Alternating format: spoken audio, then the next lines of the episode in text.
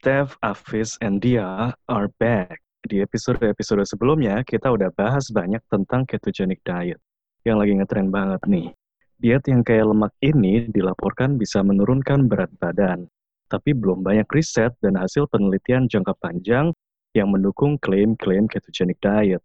Steph juga udah jelasin panjang lebar di episode sebelumnya mengenai dampak fisiologis dari diet ini ke tubuh kita. Kalau belum dengerin, boleh nih beralih dulu ke episode sebelumnya, biar nggak ketinggalan diskusi kita hari ini nih. Untuk episode ini, bahas apa kita?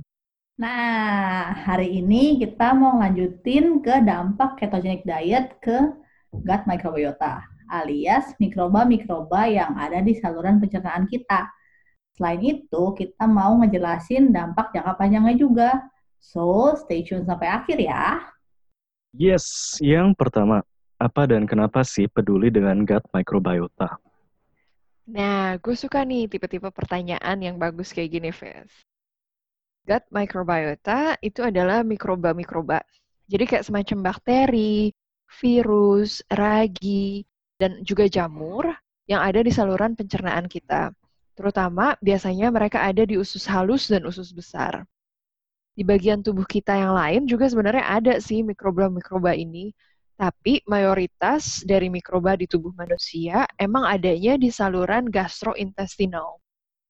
Secara keseluruhan, di tubuh manusia jumlah sel mikrobiota rata-rata sekitar 10 sampai 100 triliun. Imagine that. Dan 70 persennya ada di gut microbiota.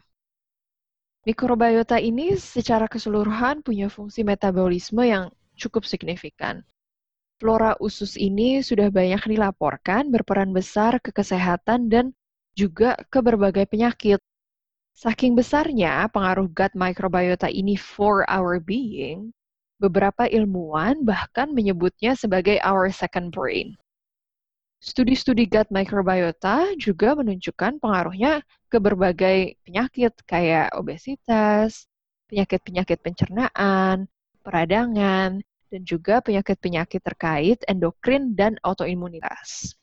Wah, kedengarannya penting banget ya. Jadi, gue harus peduli ya sama gut microbiota kita. Terus kaitannya dengan pola makan kita apa nih? Ya, jadi pola makan yang kita adopsi berpengaruh banget, banget, banget sama komposisi mikrobiota di usus kita.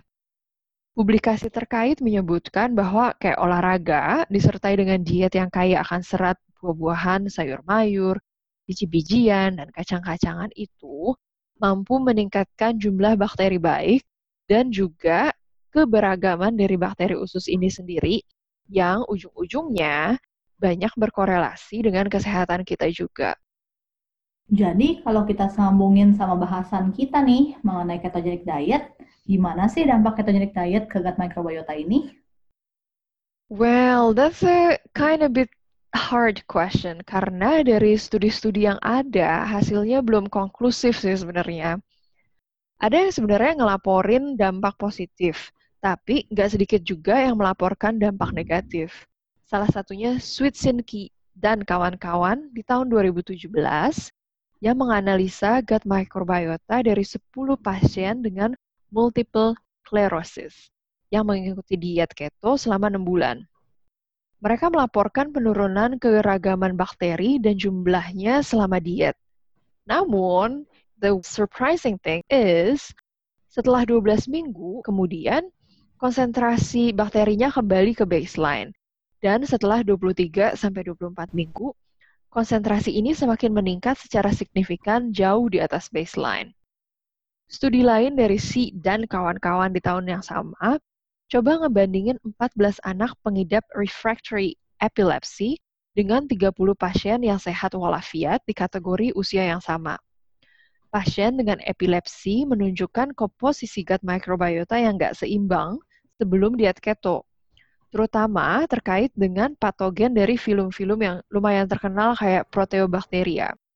Yang mencakup bakteri yang sering banget nih kita dengar namanya kayak Escherichia, Salmonella, dan Vibrio. Setelah diet keto, jumlah bakteri-bakteri ini menurun. Terus kemudian digantikan dengan bakteri dari film Bacteroidetes. yang umumnya banyak ditemukan di balita sehat. Kalau menurut studi-studi ini sih, bukan hanya diet keto menyembuhkan gejala-gejala epilepsi, tapi juga mengoreksi ketidakseimbangan dari komposisi gut microbiota. Hmm, ini yang hasil positif aja ya. Pasti ada tapinya nih. Tapi apa? Hmm, yang gue lihat selama ini, studi-studi itu hanya membandingkan dampak diet keto untuk pasien-pasien epilepsi aja, dan kemudian dibandingkan dengan gut microbiota dari orang sehat. Kenapa cuma pasien epilepsi? Kembali lagi karena secara medis diet keto hanya terbukti dan direkomendasikan untuk epilepsi, bukan untuk menurunkan berat badan. Terus studi-studi ini juga umumnya jangka pendek, jadi kita pun sulit mengetahui efek jangka panjang dan bukti-bukti yang solid. Bener banget sih, Steph, kata lo. Kita harus hati-hati banget dengan laporan-laporan studi semacam ini. Penting untuk dibaca dan dikritisi juga dibandingkan dengan studi-studi yang lain. Gak semua studi antara gut microbiota dan ketogenic diet itu selalu positif loh. Ada juga yang menyebutkan dampak negatif dari diet keto ini. Di tahun 2009 nih contohnya, Brinkworth GD ngebandingin 91 subjek yang overweight atau bahkan sampai obes. Subjek ini dibagi secara random dan diwajibkan menjalani high carb diet atau hypocaloric which 30% deficit isoenergetic low carbohydrates diet selama 8 minggu. Aduh, aduh, aduh, aduh, bentar, bentar, bentar.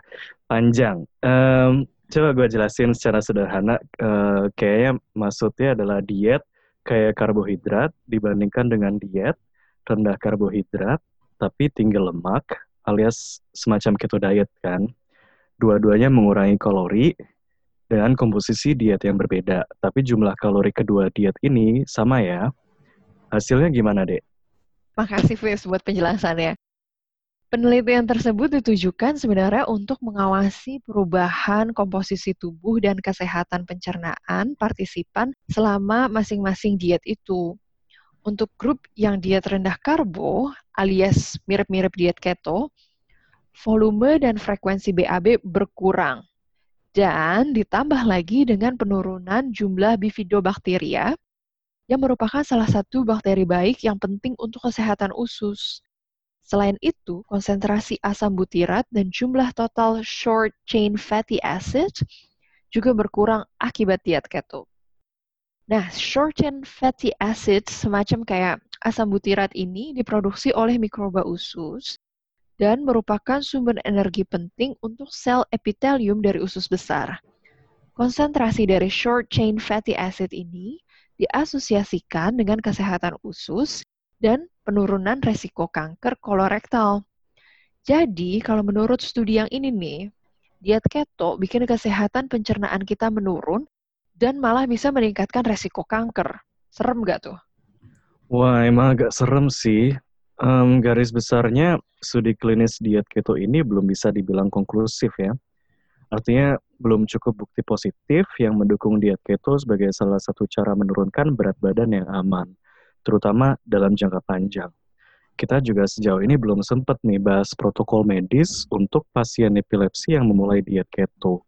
Officially, diet keto harus dijalankan sesuai persetujuan dokter secara prosedur. Ketika pasien memulai diet keto ini, mereka harus opname dulu nih di rumah sakit selama beberapa hari.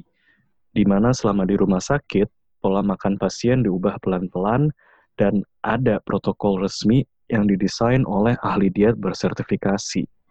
Pasien juga menjalani berbagai tes untuk menjamin transisi ke diet keto ini mulus dan tidak menyebabkan efek samping yang berbahaya.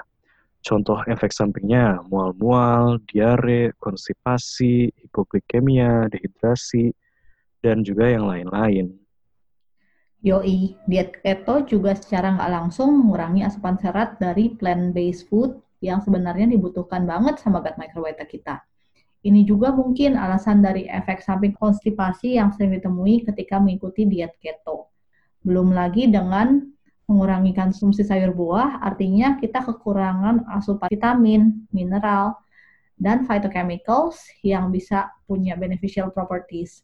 Menurut gue pribadi, ada diet-diet lain yang lebih aman dari diet keto dan memberikan efek yang kurang lebih sama.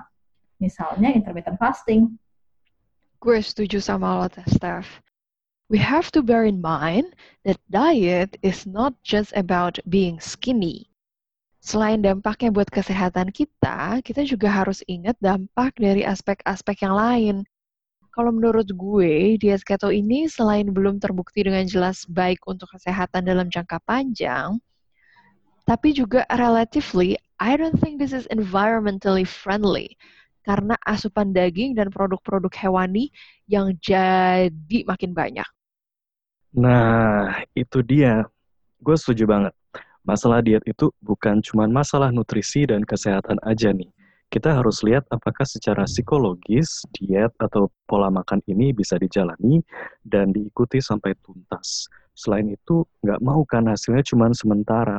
Untuk hasil yang lebih permanen, menurut gue lebih baik kita merubah pola makan dan gaya hidup. Secara jangka panjang, idealnya pola makan kita juga sebaiknya tidak menambah kerusakan lingkungan nih. Tentunya ini nggak mudah kalau kita bikin satu guideline yang sama untuk semua orang.